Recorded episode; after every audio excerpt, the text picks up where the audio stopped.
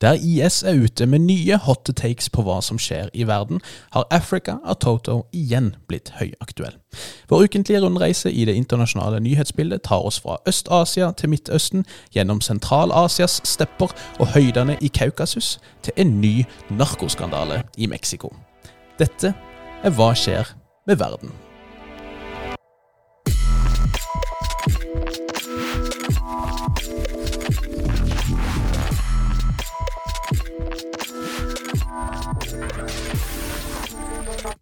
Hei og hjertelig velkommen til en ny episode av podkasten Hva skjer med verden? Denne podkasten for deg som er interessert i hva som rører på seg innen internasjonal politikk og krig og fred og det rotet midt innimellom der. Mitt navn det er Bjørnar Østby, og ved min side, eller rettere sagt foran meg, på skjebnelig distanse, sitter eh, min gode makker og kompanjong, førsteamanuensis Nick Brandal. God morgen, Nick. God morgen, Bjørnar. Vi er fortsatt uten masker inntil videre, men uh, hvis det skulle bli innført, så er vi klar til å stå opp for vår rett til å smitte andre. ja, det, det, det, stemmer. Det får vi si. Det har vært ei, ei innholdsrik uh, uke, får vi si, Nick. Det er mye, mye som går galt, av noen ting som går rett uh, retning, og vi får jo prøve å, å, ta for oss litt av begge deler. Ja, men uh, jeg må jo innrømme det var litt sånn her déjà vu. Altså det er sånn, Du har sett disse episodene før. Ja, ganske mange av de, egentlig. Dessverre. Eh, men, men, litt håp på horisonten, kanskje. Eh, hvis vi ser til Rwanda, så har vi jo kanskje funnet svaret på hva Norge skal leve av eh, etter olja, Nick. Vi trenger nok kanskje litt mer klimaendringer for å få skikkelig gangen på det, men, men Rwanda de, de, ser ut som de jobber mot ei løsning her nå. Nei, ikke nødvendigvis. Fordi dette er jo nok en plass der vi kan utnytte at vi har så masse billig fornybar energi. Ja. For det vi snakker om her, er nemlig cannabis. Det, det, stemmer. Eh, det kommer rapporter fra Rwanda nå om at eh, myndighetene der de eh, er i samtaler med et knippe europeiske og amerikanske selskaper om å rett og slett begynne å produsere cannabis til medisinsk bruk, riktignok. um, fordi da Rwanda gjerne trenger mer, eh, liksom mer variert råvareeksport, kan vi si. Rwanda har jo vært eh, veldig eh, avhengig av kaffeeksport lenge. Nå begynner de å stå seg opp som mer sånn high-tech-type nasjon i Sentral-Afrika, men de er jo langt mindre ressursrike enn Kongo vest for dem. Ehm, så litt mer å spille på der potensielt. Det som er litt morsomt, er jo at det er jo ikke tillatt å, å konsumere dette stoffet holdt jeg på å si, i Rwanda. Og faktisk, hvis du blir tatt for å selge eh, cannabis og andre former for dop, så kan du få opptil livstid i fengsel, fra liksom 20 år og oppover. da. Men myndighetene de kan gjøre som de vil, og, og hvis de får det som de vil, så, så kan det hende at faktisk cannabisproduksjon blir, blir veien videre for Rwanda nå. Og, og, og, her er jo løsninga for Norge. Altså Når vi nå skal bygge ut digre vindmølleparker langs kysten, så er det åpenbart at vi i forlengelsen av disse da kan bygge enorme drivhus som de sier strøm til, der vi dyrker cannabis. ja, riktig. Eh, og hvis ikke, så kan vi alltids utvinne energien som kommer fra alt raseriet blant eh, gamle, hvite gubber i disse dager. Det kan jo også være en vei Eh, en vei fremover, muligens. Og Når vi snakker om gamle gubber, men ikke nødvendigvis hvite, så forstår jeg det, det har vært et valg i FN, Bjørnar? Ja, altså vi, vi, er jo stadig inne på det litt mer, skal vi si absurde, bisarre, nærmest parodiske innslagene ved internasjonal politikk. Og de er det jo mange av i 2020. Og, og, en arena der dette gjerne får utspille seg, det er jo FNs menneskerettighetsråd. Der er det jo stadig vekk valg, og hver region skal på en måte velge inn eh, x antall representanter for å fylle setene i Menneskerettighetsrådet. Og nå kan vi ønske velkommen til eh, en ny batch med stater som skal sitte i noen år. Der har vi hele gutteklubben grei, ved Kina, Russland, Pakistan, Cuba og Usbekistan. Knepent tap for Saudi-Arabia der, som hadde håpet at deres eh, drive for å bli sett, for, sett, på som en litt mer liksom, seriøs, fremoverlent aktør. Eh, de, den lyktes ikke, den, det initiativet der, dessverre, for Saudi-Arabia, eh, som da ble erstatta av Pakistan og Kina, blant annet, i, i stedet. Så denne optimismen vår rundt, rundt denne menneskerettighetsdriven, den er kanskje, kanskje Den må modereres litt, da. Jeg tror et tema vi, vi må komme tilbake til og, og gå litt mer i dybda på, er hvordan særlig Kina nå jobber veldig aktivt både i å komme seg inn i eh, eh organisasjoner og, og råd i FN-systemet, men også mm. å forandre en del av nøkkelbegrepene, språket som blir brukt i, i vedtak og resolusjoner osv. Mm, mm. Og det, Der kunne vi godt også sett på det litt mer eh, konkrete arbeidet i form av fredsbevarende operasjoner, der Kina gradvis sender inn flere og flere soldater, faktisk. Um, det har vært branner på Kilimanjaro eh, i det siste. Dette høyeste på en måte enkelt, eller frittstående fjellet i verden på godt over 6000 meter i Tanzania. Det har brent opp etter eh, sidene av fjellet der i flere dager. Jeg vet ikke om de har lyktes med å slokke brannen ennå. Det var snakk om at de hadde kontroll på det, men så hørtes det ut som det, det egentlig fortsatte. Så det er jo litt eh, leit, det, da. Eh, kanskje spesielt for alle disse titalls tusen turistene som skal ned der hvert år. Nå er det nok ikke så mange av de der akkurat nå, men, men Tanzania er jo et av de eneste landene i verden som ikke har noe problem med covid, skal vi tro Eh, sjefen der, Magofoli. Men uh, dette må da ha vært et spektakulært syn for de som sto nede på Serengeti-sletta og så, ifølge Toto, opp, opp, på Kilimanjaro, som reiser seg opp som Olympus. Ja, en skulle tro det. Og, og jeg tenker her må vi bruke anledninga til å, å, ta vårt eh, samfunnsoppdrag på alvor og drive med litt folkeopplysning. Africa av Toto det er en uh, fantastisk låt, så lenge du ikke spiller den mens du er i Afrika. Det syns jeg er veldig pinlig. og, og å, å bevitne, men, men en, en, eh, certified banger, for å bruke fagspråket i, fra musikkbransjen. Men her må vi rett og slett ta et lite oppgjør en gang for alle med en uh, ganske graverende faktafeil i låta 'Africa' av Toto. Nick. Uh, for der synger de jo at As sure as Kilimanjaro rises like Olympus above the Serengeti. Ikke sant?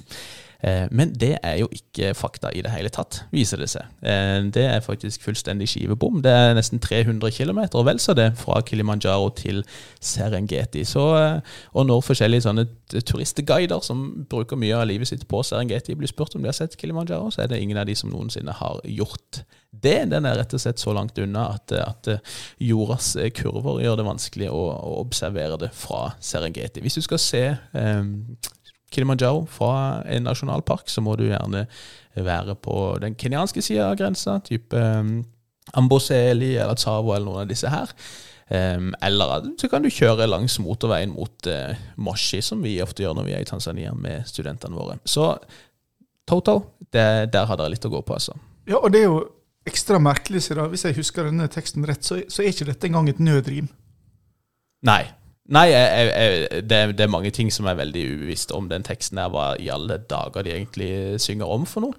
Um, men, men, betyr dette at vi ikke kan stole på at popmusikken framstiller Afrika riktig? Har du flere eksempel, Bjørnar? Det er jo eh, både sjokkerende og graverende, men jeg må si ja. Vi, vi må rett og slett uh, ta alt det de sier med en klype salt. Og vi har jo hatt noen uh, grusomme eksempler på dette, både på 80-tallet og, og, senest i 2014, med disse herne Do They Know It's Christmas. Uh, uh, hva skal vi kalle det, krigsforbrytelsene, forbrytelser mot menneskeheten, de, de sangene der.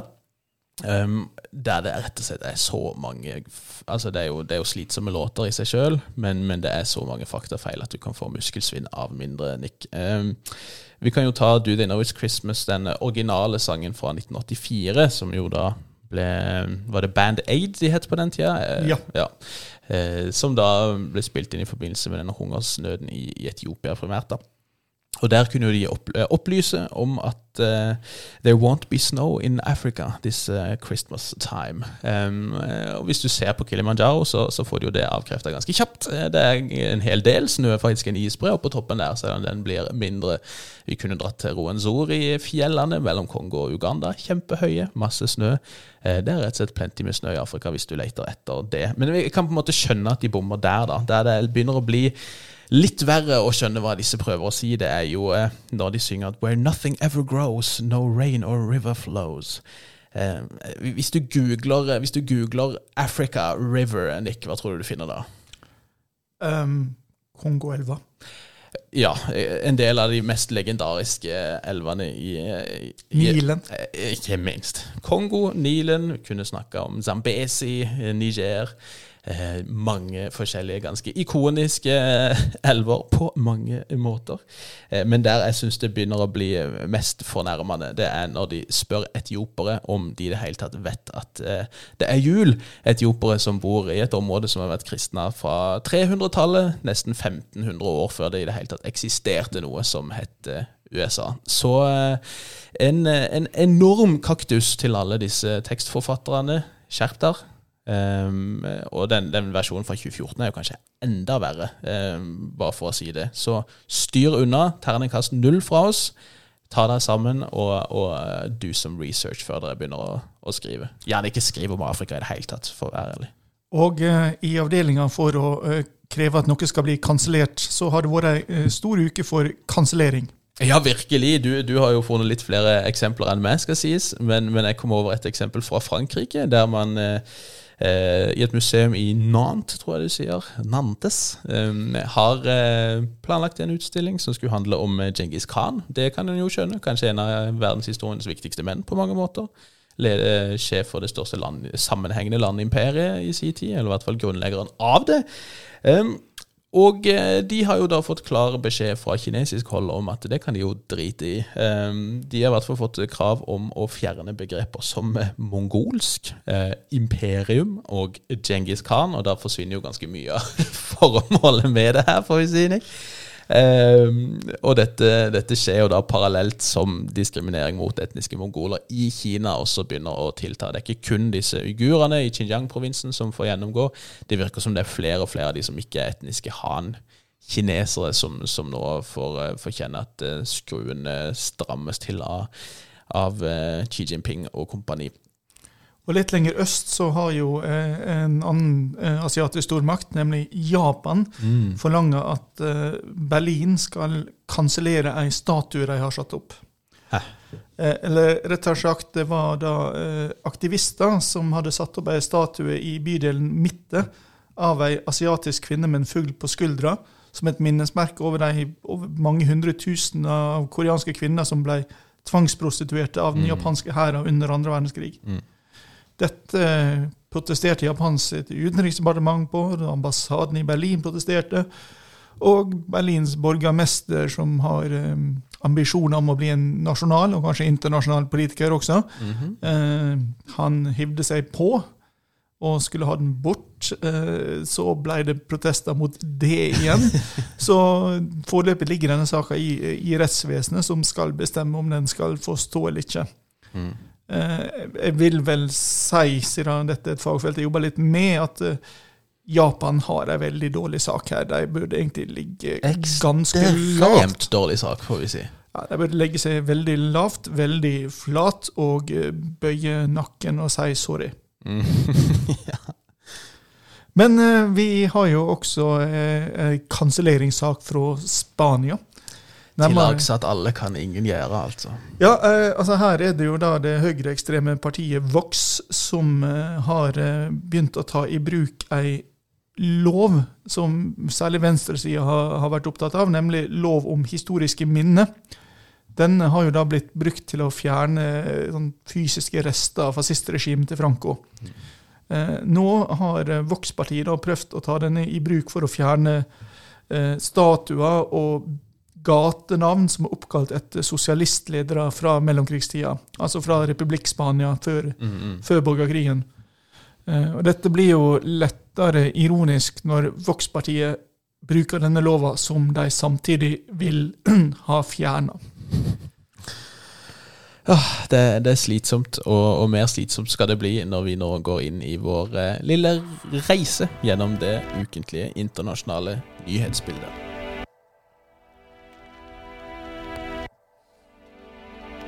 Vi kan starte som vi ofte gjør, i eh, Afghanistan.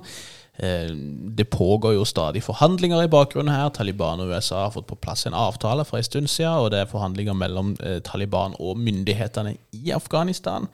Men nå er det anklager på begge sider fra USA og Taliban om at denne avtalen er brutt. Det har vært en serie med amerikanske luftangrep mot Taliban i Helwan-provinsen sør i landet i det siste som Taliban sier er klare brudd på avtalen med USA, der man skal prøve å egentlig unngå å, å, håper si, bruke vold mot hverandre. Um, USA sier på sin side at dette bare er en respons der de er forpliktet til å forsvare den afrikanske hæren mot en rekke med Taliban-angrep, sånn at det egentlig er Taliban som har uh, skylda. Uh, så har det vel vært snakk om på torsdag. Da sa den amerikansk, altså USAs spesialutsending, um, som har holdt tak i disse forhandlingene, at de nå prøvde å få til liksom en redusering av sivile tapstall. En redusering rett og slett av tapstall mer generelt mellom myndighetene og Taliban. Men, men samme uka så var det jo eh, nok et bombeangrep der eh, 15-20 sivile mener jeg på mista livet sentralt eh, i landet. Jeg tror jeg skal komme med et lite råd til Taliban her. Eh, Forsiktig nå. Trump sin Twitter-feed må tas billedlig og ikke bokstavelig. Ok, interessant. Ja, altså, eh, når han, eh, han har jo erklært at USA skal ut før jul. Det var jo ikke Pentagon så veldig happy med, for det betydde jo at de mista i praksis all forhandlingsmulighet her. um, Og uh, dette har han jo også Det er jo ikke bare i Afghanistan de skal ut, de skal ut av Somalia og de skal ut av Syria, mm. ifølge Twitter-kontoen. Mm -hmm. Pentagon er ikke fullt så sikker på dette, og eh, det kan nok hende at uh, Taliban har forrekna seg hvis de tror at uh, offisiell amerikansk utenrikspolitikk og forsvarspolitikk blir drevet gjennom Twitter-feeden til Trump. Sier du at uh, denne USA-analysen til Taliban fra siste uke ikke er god nok? Den er nok i overkant optimistisk. Eh, hvis vi skal se på hvordan det har vært de siste fire åra, så er det nok slik at Trump etter hvert får det slik som han vil, mm. men det går ikke så fort. Nei. Det vil nok ta noen flere år sjøl om han skulle bli gjenvalgt. Ja. Nå fikk han ikke noe fredspris heller for å si at de skulle ut av Afghanistan. Det er jo bittert. Nei, men eh, hvis vi skal være litt seriøse der, så hadde faktisk Trump det var bedre argument for å nominere Trump enn eh, Obama da han ble nominert. 100% 100 eh, vi, eh, Dette skal jeg si jeg har tenkt på en stund. Jeg har vært litt, skamma meg litt over at vi ikke har snakka om Thailand før. For det er ikke noe nytt i og for seg at det har vært demonstrasjoner der i ganske mange måneder nå. Men nå har de liksom eh, tatt en ganske mye større skala de, eh, den siste uka spesielt, og da følgelig også fått eh, mer pressedekning i, i Vesten. Eh, men disse har pågått en stund, og vi burde egentlig ha snakka mer om det når vi har snakka om demonstrasjoner i Hongkong f.eks., i og med at det er visse linker der. Men vi får ta det i hvert fall ganske kjapt nå, da. Det er jo bedre seint enn aldri, som de så ofte sier. Og det har vært spesielt den siste uka da, ganske svære eh, demonstrasjoner. Det er snakk om titalls tusen som har vært ute og demonstrert. Først og fremst i Bangkok, men også etter hvert i 20 andre byer eh, i Thailand. Dette er da eh, først og fremst protester mot den sittende statsministeren Prayut Chan-Ocha, som sikkert var en forferdelig uttale, beklager det. En tidligere forsvarsminister som da tok makta gjennom et kupp i 2014, og som også kom seirende ut av et valg i fjor. I løpet av hans tid som leder så har man endret på Grunnloven, og litt av anklagene nå fra demonstrantene går på at den Grunnloven ble endret på en sånn måte at selv om man i prinsippet hadde valg for å få en sivil leder sist år, så var det rigga sånn at han skulle kunne vinne eh, dette valget og beholde makta. Så disse demonstrantene ønsker en ny grunnlov, sier de. De ønsker at statsministeren skal gå. Og, og dette er ganske mye mer sånn tabubelagt, de ønsker en reform av monarkiet som sådan. Det høres ut som det nesten er der at grensa trekkes, også fra ledelsen. At liksom, det kødder du ikke med. Og eh, på onsdag sist uke, mener jeg på det var, så, um, så blokkerte mange av disse demonstrantene en eh, kortesje der eh, kongefamilien var på tur. Eh, og etter det da, så har man virkelig stramma inn. Man innførte en ny kriselov på torsdag, der man forbøy samlinger på mer enn fem mennesker ute i det offentlige. Um, men det ga disse demonstrantene beng i. Uh, de hadde jo vært masse folk ute på onsdag altså før dette skjedde, og omringa statsministeren kontorer i Bangkok og liksom eh, kreve at han skulle gå. Uh, men denne nye loven på torsdag har ikke hindra de uh, fra å mobilisere på nytt. Og i går, da, søndag, så var det igjen da, tusentalls med demonstranter som var ute og fortsatte å krevde eh, også da at, at, deres ledere, som jo har blitt arrestert i ganske store tall, at de skulle bli frigjort. Så er det jo interessant også å se at her igjen så ser vi en del av de taktikkene som har blitt brukt i Hongkong, også blir brukt her, som vi også så i USA, for så vidt, demonstrasjonene i Portland osv. Og, og det har visst også blitt etablert en slags eh, litt sånn uformelt samarbeid mellom noen av lederne i Hongkong og i Thailand, i det som man da kaller for The Milk Tea Alliance, fordi at begge land visstnok liker godt melkete te. da.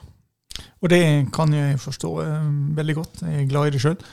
Eh, men det er jo interessant at dette går inn i en sånn større internasjonal trend.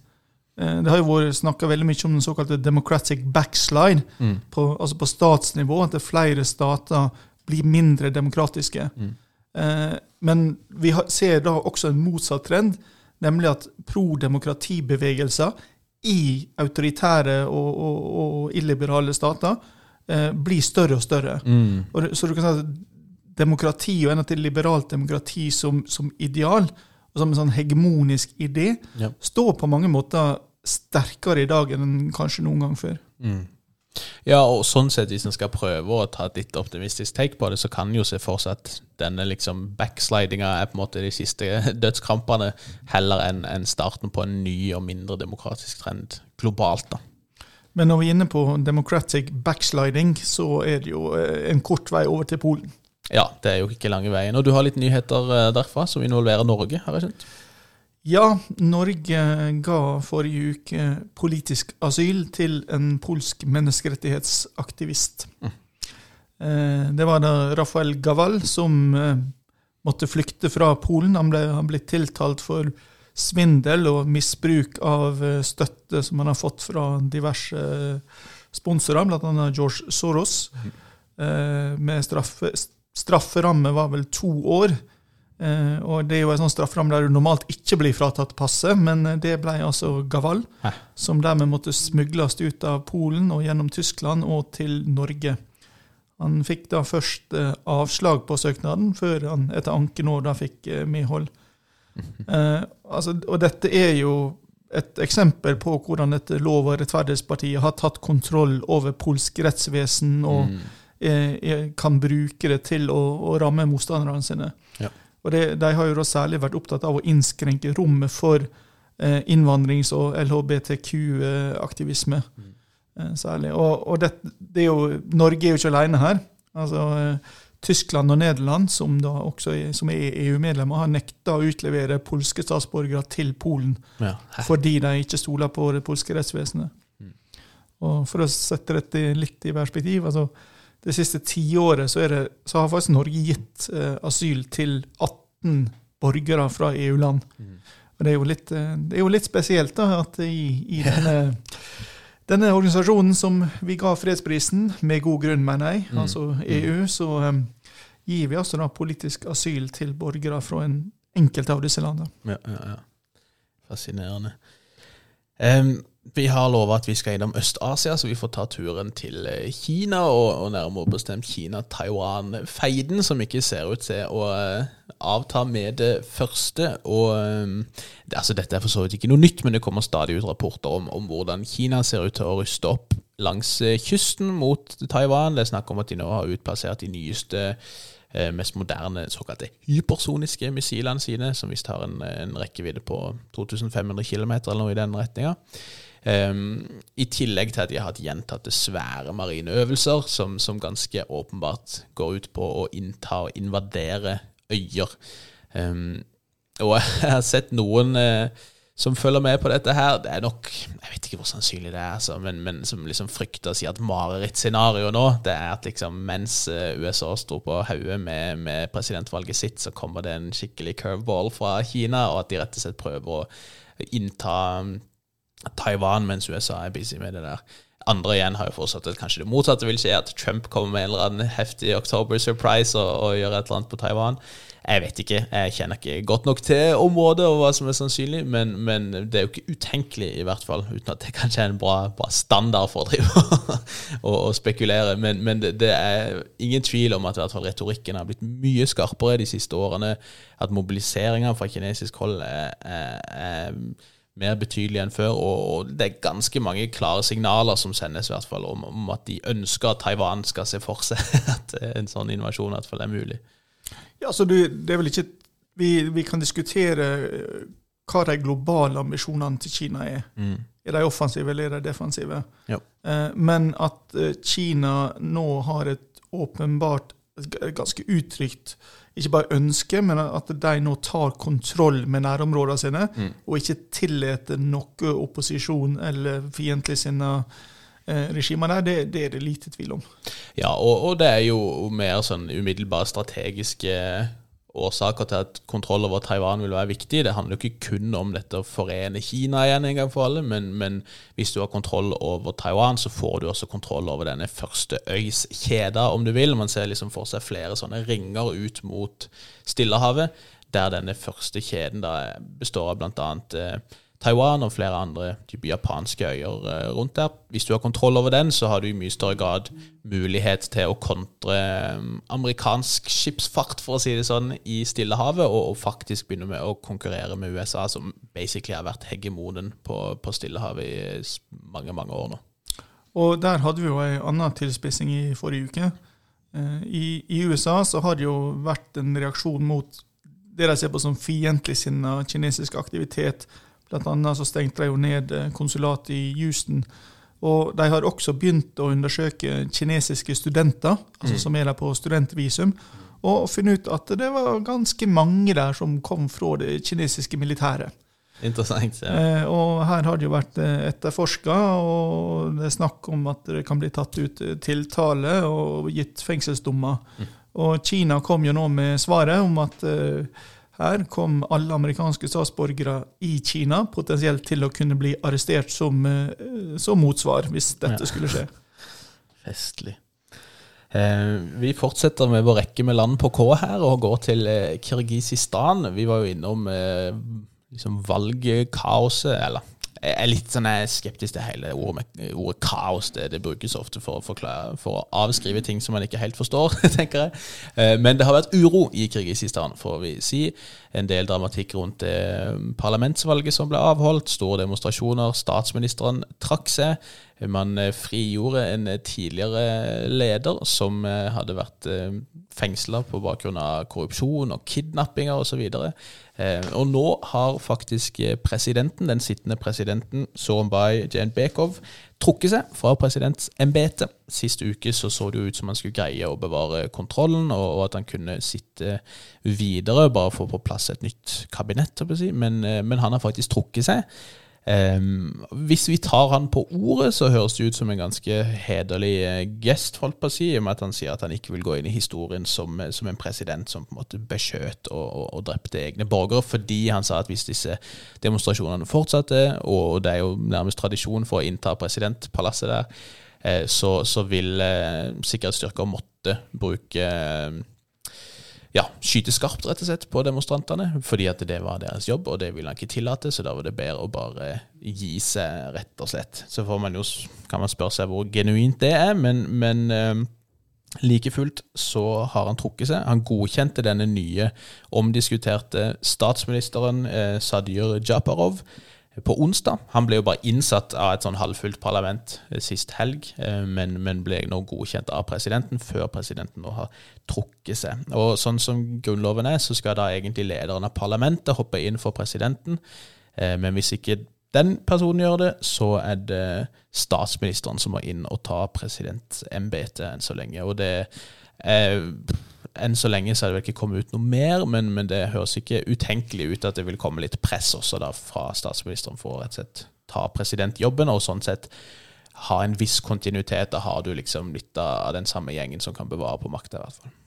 Og for å fortsette på bokstaven K, og siden verken Armenia eller Aserbajdsjan begynner på K, Kaukasus. Ja, vi må, vi må gjøre det sånn. Nå blir det KKK uten, uten sammenligning for øvrig. Eh, det er jo eh, more of the same fortsatt i Kaukasus, men det er tydeligere og tydeligere at eh, Aserbajdsjan definitivt har det militære overtaket, og, og det høres ut som de avanserer på flere fronter inn i Nagorno-Karabakh og har i hvert fall tatt over flere og flere eh, byer, og, og også en base etter det jeg har sett, og fått karakter seg ganske mye eh, armensk eh, utstyr. da. Det som skjer nå, er jo ikke så uvanlig, for så vidt. Men som i en del av våre moderne kriger, så har du en del eh, tosker på fronten som filmer alt det dritet de gjør, og, og, deler det med resten av verden. Og det har jo også skjedd nå, og nå, nå begynner liksom flere og flere regelrette krigsforbrytelser å, å lekke ut herfra. Eh, først var det henrettelse av to armenske soldater som, eh, som, ble lagt ut. Det er jo brudd med Genévekonvensjonen. Eh, og konvensjonen er det. Og um, tilsvarende så har man også sett fæle filmer fra armensk hold, der man også dreper såra fanga soldater, mer eller mindre. I tillegg så har det kommet ut noen bilder og rykter om halshogginger fra aserbajdsjansk hold. Eh, så det er mye grapp som kommer ut nå. Det er jo for så vidt ikke så overraskende nødvendigvis. Man har kanskje forventa også at disse syriske leiesoldatene vil, vil, ta med seg litt av, av sin eh, modus operandi fra, fra Nord-Syria, der vi har sett mye av dette her. Akkurat det har jeg ikke sett noen dokumentasjon på ennå fra disse syriske leiesoldatene nå, men, men, eh, det er ikke bra. Og, og, det har også vært beskyldninger om bruk av klasevåpen, eh, som jo er forbudt og det har vært eh, eh, bombinger av sivil bebyggelse gjentatte ganger. Stepanakert, denne hovedstaden i Nagorno-Karabakh, har blitt bomba masse. Eh, og så har Armenia da også svart med å bombe eller bruke artilleri da mot Ganja, som er en av de største byene i Aserbajdsjan. Og der traff man nå senest i helga en boligblokk som kollapsa, og i hvert fall et dusin sivile mista livet der. Så fikk man på plass eh, tilsynelatende en ny såkalt humanitær våpenhvile i helga. og Så tok det noen minutter, og så ble den brutt, og så har krigføringa egentlig fortsatt eh, uaffektert nå de siste dagene. Så to forsøk på våpenhvile har eh, feila. Det ser ikke ut som eh, Putin ennå i hvert fall lykkes med å, å få partene til å eh, ja, stoppe krigføringa, og det ser ikke ut som Erdogan har så stor interesse av å stoppe krigføringa. Det er jo mer og mer spekulasjon rundt at dette her langt på vei var et slags tyrkisk initiativ, at, eh, at eh, det går planer tilbake til starten av september, liksom, der det ser ut som Tyrkia har ønska å pushe for noe sånt. Det vet jeg ikke hvorvidt stemmer, men samtidig så er det andre igjen som sier at Russland kan jo da potensielt kontre dette her med å skape mer rør i Libya og Syria for å gjøre det vanskelig å prøve å binde tyrkiske ressurser dit. Jeg vet ikke om det er veldig sannsynlig sånn som situasjonen er nå, men, men det er i hvert fall eh, urovekkende at, at, det ikke ser ut til å avta noe, denne krigføringa. Og, i hvert fall hvis du ser på tallene fra armensk side, så, så, må det nærme seg 1000 soldater som er drept nå, tror jeg. Og det høres kanskje ikke svimlende høyt ut, men hvis du ser det relativt til størrelsen på de respektive hærene der, så, så er det voldsomme tap. Og det er gjerne noen av de mest erfarne som har går tapt først, og det ser ikke ut som eh, den armenske sida har greid å tilpasse seg dronekrigføringa i det hele tatt. Hver eneste dag så kommer det ut masse filmer fra Aserbajdsjan der liksom titalls kjøretøy blir eh, ødelagt fra lufta. Så eh, det ser ikke bra ut i det hele tatt, rett og slett. Det er bra, det er jo mye av det, mye av det her. Den overgangen funker alltid, faktisk. så kan vi jo nevne at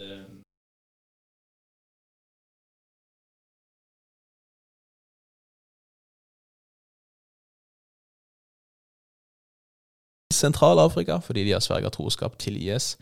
Eh, disse jihadistene har nå stått bak et nytt angrep over grensa til Tanzania. Disse opererer jo helt oppe i grensetraktene. Denne Cabo Delgado-provinsen ligger jo opp mot eh, Tanzania.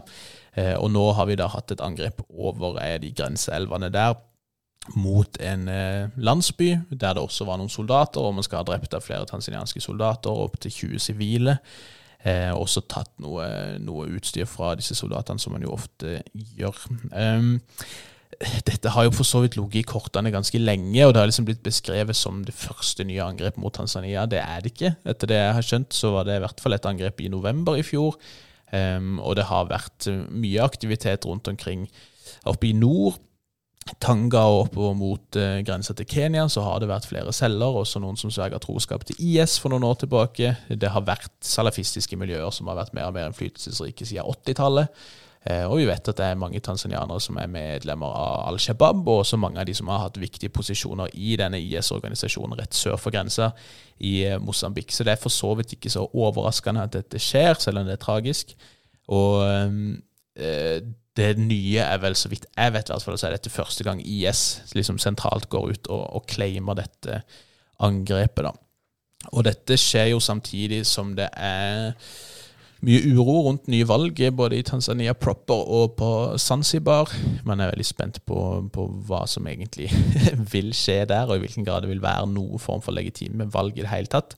Eh, det ser ikke så bra ut på den fronten heller, og det var så klart da også en del konspirasjonsteorier, eller først bare spekulasjon i at denne volda sør i landet handla om eh, valguro, og, eller deretter at, at dette er planta for å skape uro, eller lignende, men, men, det ser ganske tydelig ut. Og de har også film- og, og bildebeviser nå, håper jeg, jihadistene, da, så det er ganske det er ganske eh, klart at det var de som sto bak. Og etter det jeg har skjønt, så er det ganske mye uro liksom sør i landet der for uh, hvorvidt de kan greie å, å, holde tilbake en eventuell større type inntog da, fra disse jihadistene. Så det er, det er spennende tider i, i, Tanzania på mange måter, og vi må nok komme tilbake til det seinere også, når disse valgene har blitt eh, avholdt. Vi har for så vidt fått en, ny liten tale fra IS også. De, de har vel eh, hinta til at det kommer en ny tale fra deres eh, nye kalif snart. Det er jo ikke så ofte vi hører ting fra sentralt hold der. Eh, men nå har vi fått en ny tale fra talsmannen til IS, nemlig Abu Hamza al-Qurashi. Og eh, det er jo liksom litt sånn IS' take på hva som skjer i verden. En, en konkurrerende podkast, kan vi godt si. Um, og eh, de har jo, har jo, vært ute og raljert mot de fleste, som de ofte gjør. Spesielt mot Emiratene og Bahrain, for at de har liksom svikta fullstendig og, og inngått avtaler med med eh, Israel. Det har også vært eh, kritikk av Saudi-Arabia. De har prøvd å liksom henvende seg til ungdom i Saudi-Arabia og liksom sagt at vi er de eneste som faktisk prøver å gjøre noe med Iran i regionen, bla, bla, bla.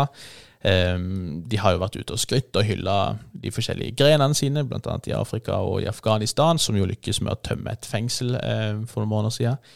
Um, og så har de da i kjent stil vært ute og raljert også mot Taliban. Det er jo viktig å huske det at uh, der Taliban er ekstreme på sine måter, så er de eh, ikke på langt nær ekstreme nok for IS. Og, og helt siden disse folka mingla i de samme miljøene på, på 90-tallet, så har det vært folk på på en måte IS, eh, eller det som ble IS, da, side, som, som, har ment at Taliban det, de er vantro, liksom. De, de holder ikke. Og her så ble de avskrevet, avskrevet da som demokratiske apostater, eller ja, vantro frafalne demokrater som, som, prøvde å forhandle seg til ting som, eh, som, de ikke hadde noen form for rett til å forhandle seg til. Så, så IS støtter ikke de forhandlingene, kan vi si. Og det ser vi også på hvordan de opererer i Afghanistan. Det ser ut som de prøver å gå inn som, eh, som spoilere her, da, rett og slett. Til slutt i denne lille rundturen så kan vi jo kanskje nevne den siste lille skandalen fra amerikansk og meksikansk Holnick. Det har jo vært en liten sak der. ja. Um, det var jo plutselig Plutselig fikk eh, amerikansk etterretningsbeskjed av en informant om at det nå var eh, El Padrino på TV. Og El Padrino, det var da eh, sjefen for eh, det såkalte H2-kartellet, som USA har prøvd å få tak i mm. i, i ei, stund. Eh, og når de da slo på TV-en, så så de plutselig den tidligere meksikanske forsvarsministeren Salvador Zienfuegos. Mm. ja, og uh, dette er jo da egentlig mannen som har vært sjef for den meksikanske hæren i prinsippet da, siden 2012 til 2018. Um, og han har nå blitt sikta av amerikanske myndigheter for å ha hvitvaska penger, uh, forsøkt å produsere og smugle både kokain, heroin og metamfetamin, uh, men også for å rett og slett ha gitt dette H2-kartellet mer eller mindre straffefrihet, eller impunity, håper jeg, til at de kunne operere mer eller mindre som de ville, uten konsekvenser, i hvert fall for hærens hold da, mellom 2015 og 2017. Eh, han skal ha blitt bestukket av de, rett og slett. Og, og, og H2-kartellet er jo ikke på langt nær så kjent som andre langt mer voldelige og notoriske karteller som Sinaloa eller Zetas eller uh, dette nye generasjonen Jalisco-kartellet, som, som, er mer eller mindre en hær, håper jeg å si. De er veldig godt utrusta militært. De har jo vært mye mer liksom, bare brukt spektakulær vold, håper jeg å si, mens H2 ser ut som de i enda større grad har prøvd å bestikke folk i det offentlige og, og myndighetspersoner. Det er jo det som er litt skremmende med, med, disse kartellene, og for så vidt også det som er ekstra, ekstra skremmende med IS. Også hvordan de greier å infiltrere disse eh, Infiltrere myndighetene, rett og slett. Du vet rett og slett aldri helt hvem du har med å gjøre. Og her har de da tydeligvis grei, lyktes med å, å bestikke eh, Salvador Cienfuegos, eh, og, og, fått opp, eh, operere mer eller mindre fritt da. Eh, så ble jo liksom ledelsen, den siste lederen, vel mer eller mindre eh, fjerna i 2017, men da var det ikke hæren som greip inn, men, men marinen, da, som, eh, som, han her tidligere forsvarsministeren ikke egentlig hadde kontroll over. Så det vitner jo litt om, om, hvem som faktisk tok dette oppgjøret til slutt. Ja, og Bak her så ligger det jo at det meksikanske politiet mer eller mindre har gitt opp denne kampen. Mm, mm. Altså De som prøvde å gjøre noe, ble stort sett drept, ganske brutalt. Eh, og resten tok bestikkelser og prøvde å leve livet sitt så godt som de kunne. Og, mm. og, og dermed så ble det hæren, eller militærvesenet, som da ble satt inn. Og det gjør jo dette ekstra pinlig, da, for det har jo på en måte vært et slags prestisjeprosjekt nærmest både for eh, presidenten som iverksatte dette med å sette hæren på det, men også for hæren sjøl. De skulle liksom kunne gå inn og virkelig ta et oppgjør med disse her, og, og skulle liksom være langt vanskeligere å bestikke, eh, i kraft av å på en måte ikke være sivil osv., men det, det, har tydeligvis eh, ikke fungert, og, og, det gjør jo det hele ganske pinlig, da. Ja, og for å gjøre det enda mer pinlig, så er det jo da bare ti måneder siden forrige gang det mer eller mindre samme skjedde. Mm -hmm. Da ble Garcia Luna knytta til Sinaloa-kartellet eh, tatt. Han hadde da vært minister for offentlig sikkerhet eh, og sjef for den meksikanske utgava av PST mm, mm, mm. i ganske mange år. Ja, eh, og dette er jo ikke bare pinlig for Mexico, det er også pinlig for USA, mm. som har ganske tett samarbeid med meksikanske myndigheter i denne krigen mot, uh, mot narkotika. Ja, ja. Og som da hadde samarbeida tett med begge disse to personene det, det, sier jo ikke ja, det, det, det, ser ikke bra ut for vurderingsevna. Det tar seg ikke ut i det hele tatt. Og vi burde egentlig snakka mye mer om Mexico, for det er ut, Altså, det er jo, Vi tenker jo gjerne at liksom folk, de fleste som dør i verden, de blir drept i Afrika eller i Midtøsten, men det er jo faktisk i eh, Mellom-Amerika og Sør-Amerika der det meste skjer. Gjerne da nettopp pga. disse kartellene. og, og dette, jeg tror vi har nevnt det så vidt tidligere, men dette Halisco-kartellet, denne nye generasjonskartellet der, de var jo ute i sommer og la ut noen propagandafilmer, og de er væpna til tennene. Det ser ut som det er Statens sikkerhetsstyrker som har lina opp en konvoi med 20-30 pansra kjøretøy med mitraljøse på greier, men det er altså eh, et kartell, rett og slett, som er gjennommilitarisert, og, og som fint kan konkurrere med med staten. Det eneste de mangler, mer eller mindre, er et luftvåpen. De bygger egne pansra kjøretøy, og eh, de er på et skremmende nivå, håper jeg. Eh, og, og, når ikke engang håper jeg, ikke engang, Det er kanskje aldri en god idé å sende hæren til å gjøre noen ting nasjonalt, men, men når også hæren har latt seg bestikke såpass greit, så, så, er det vanskelig å se hvordan man skal komme seg ut av disse problemene. Da er det vel bare å sitere den eh, tidligere meksikanske presidenten Porfiro Diaz og si Stakkars Mexico, så fjernt fra Gud og så nær De forente stater.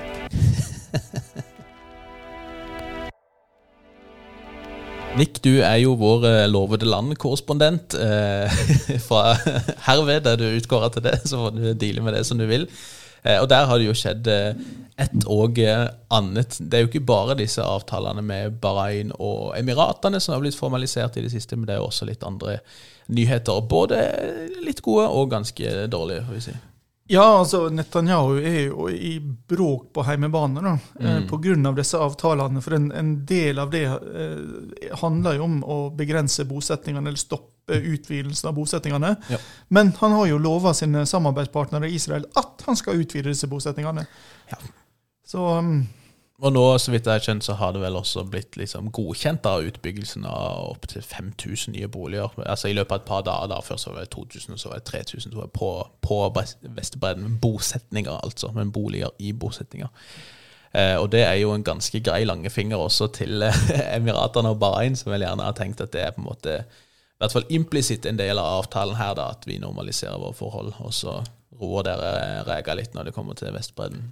Ja, altså, Det er jo eh, ikke akkurat slik at dette er demokratiske stater som må ta hensyn til at befolkninga, velgerne, blir misfornøyde.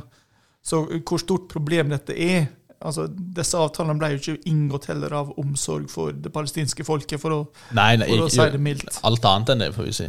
Eh, men det er klart at det blir jo et problem for de neste statene som mm. uh, skal inn i disse Abrahams-akkordene, hvis, mm. hvis, USA fortsetter å legge trykk på. Ja. Uh, det, det vet vi ikke hva som skjer etter valget, men når Netanyahu at Netanyahu ikke var til å stole på, det er jo noe alle burde ha visst. Og jeg vil nok tro at det, det var innkalkulert hos disse statslederne også, når de inngikk disse avtalene. Ja, ja.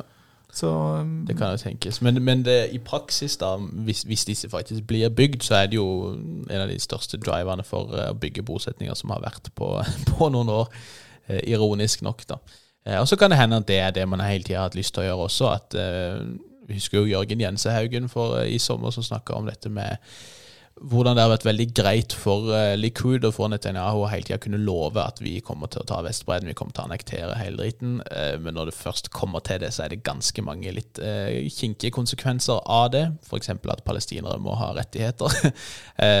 så kanskje det er lettere å bare fortsette å snike inn disse bosetningene og la status quo forbli mer eller mindre sånn som det har vært lenge.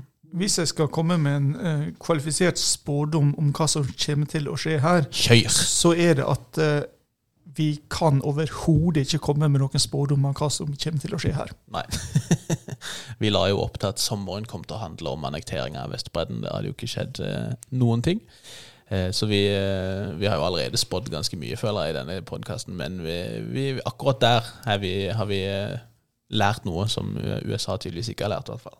Men i et Midtøsten i bevegelse så har vi jo sett eh, nok en av disse eh, i forrige uke, nemlig eh, nye forhandlinger, de første på 30 år, mellom Israel og Libanon, mm. om hva sjøgrensa skal gå mellom disse landene. Eller mm. altså nærmere bestemt hvor går territorialfarvannet. Ja, just, just, just. Dette er jo noe som nordmenn kan forholde seg veldig til. Vi utvida jo vår territorialfarvann ganske kraftig under Jens Evensen, som viste seg å komme ganske nyttig inn når vi skulle utnytte oljereservene våre. Eh, vi fikk ganske store av de, mye av dem inn på norsk territorium da. Mm. Eh, og dette her handler også om eh, energi, fordi det er potensielt ganske mye gass som ligger i, i dette, disse havområdene. Ja. Og, og, Israel har jo samarbeidet med Kypros om å, å, å, begynne å prøve å utnytte dette her. Mm. Um, så, eh, så det, det, er ganske viktig, og det er jo kanskje særlig viktig for Libanon i den situasjonen. eller De i etter eksplosjonen i Beirut og ja. store økonomiske problem, som mm. Eh, kan være litt av grunnen til at de har kommet tilbake til forhandlingsbordet nå. Ja. Og så står vi de vel også mer eller mindre på samme side av denne feiden med Tyrkia, så vidt jeg har skjønt. Eh, det er mange usannsynlige allierte som dukker opp pga. Erdogan. altså. Det veit du bedre enn meg, så det stoler jeg på er riktig, da. Eh, men eh, så har Libanon vært veldig nøye på å si at dette er ikke et eh, spørsmål om normalisering av forhold til Israel. Det er bare grensespørsmålet. Ja, ja, ja. Og i motsetning til de andre avtalene, så har jo dette også skjedd mer i FN-regi, mm. der USA er nok med, men i en mye mer beskjeden rolle enn i avtalene med disse andre gulfstatene. Mm, mm. Så syns jeg har sett at det har vært skrevet litt om at dette kan kanskje være liksom en start på forhandlinger om, om grensene på land også. Det er jo noen uenigheter også der, og det står jo en FN-styrke der og skal, skal, passe på noen av disse omdiskuterte eh, grensetraktene mellom Israel og Libanon proper. Da. Så. Det er jo lov å håpe det, men mm. uh, dette spiller jo direkte inn i den veldig skjøre balansen i libanesisk uh, politikk. Ja. Og de to dominerende Shia-gruppene Hezbollah og Amal har jo kalt dette en overgivelse til israelsk tankesett. ja, ikke sant. Eh, så eh, med, hvis man skal få, å få dette opp i alt det andre vanskelige med forhandlinger om å få på plass en ny regjering, eh, ser vel ikke lovende ut. Nei, nei, nei. Nei, det blir fryktelig spennende å, å, følge med. Jeg har ennå ikke hørt noe særlig mer om Sudan og Israel. Det har jo liksom vært uh, snakka om som kanskje det neste i rekka, men det er jo litt uenigheter der om hvorvidt uh, det er dette, uh, om det er en liksom normalisering med Israel som må til for at uh, Sudan skal ha terrorlister til USA osv. Um, også, som sagt, har jo Mossad-sjefen snakka om at de prøver å få til noe lignende med Saudi-Arabia, men det høres ut som det er en slags uh, generasjonskamp også i ledelsen der, som, som kan avgjøre hvor, på hvilken side av gjerdet Saudi-Arabia faller ned her. Ja, altså, og her er det nok viktig også at Trump-administrasjonen eh, sin oppmerksomhet nå er på det amerikanske valget. Og Mike Pompeo sin oppmerksomhet er på Kina. Mm, mm. Så det er ikke veldig mye igjen for å, å presse på utviklinga i Midtøsten. Nei. Det ser ut som det er Esper, han er vel forsvarsministeren, som har, har eh, farta rundt litt i Nord-Afrika og på de traktene der, men, men, tyngden ligger jo i langt større grad hos Pompeo, har jeg inntrykk av. Så eh, Nei, og det, det, jeg tror det blir eh, Kommer en liten spådom til Da. så, så, tror jeg ikke vi skal se bort ifra at det er en del opportunister der borte som, eh, rundt i verden som har lyst til å prøve å etablere noen fakta nå, mens, mens USA er busy med, med sine egne greier de, den neste måneden cirka. Ja, men samtidig så kan det jo da bli interessant hva som skjer etter valget, uansett utfall. Mm. Altså Skulle Trump bli gjenvalgt, så vil jeg anta at Jared Kushner dukker opp igjen ganske kjapt i, i Midtøsten. Ja. Eh, hvis Biden skulle vinne, eller hvis når? ah, forsiktig nå. Forsiktig. Det var nesten en spådom til. Eh, hvis Biden skulle vinne, så blir det jo interessant hva Trump bruker denne såkalte lame duck-perioden. Altså de ja. drøye nesten tre månedene før uh, innsettelsen av, av, ny president. Mm.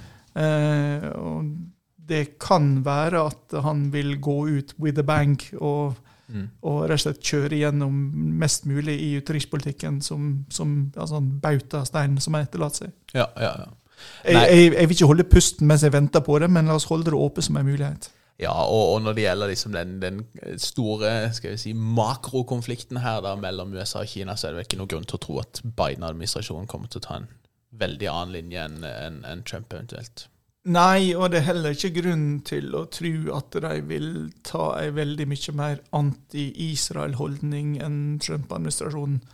Eh, forhåpentligvis så vil de jo ha litt mer kompetente personer enn Jared Kushner eh, til å utføre jobben, men, eh, men ja. hope against hope. Det var vel egentlig det vi rakk i dag, Nick. Det var ikke så rent lite, det. Dere må jo veldig gjerne følge oss der dere får deres uh, podkaster, sånn at dere følger, får med dere våre siste utskeielser, hadde jeg nær sagt. Det kommer fortsatt noen episoder av Det amerikanske paradokset de neste onsdagene, og vi har også noen spesialepisoder på gang for de som er litt mer interessert i det som har å gjøre med økonomi og hva som skjer på den fronten der. Eh, I tillegg har vi en ny nettside på hva skjer med verden.no, der dere kan eh, finne alt av episoder dersom dere skulle ønske det. Eh, vi får si tusen takk for følget nok en gang. Hjertelig takk skal du ha som vanlig, Nick. Sjøl takk, Bjørnar. Så får vi bare si at vi snakkes.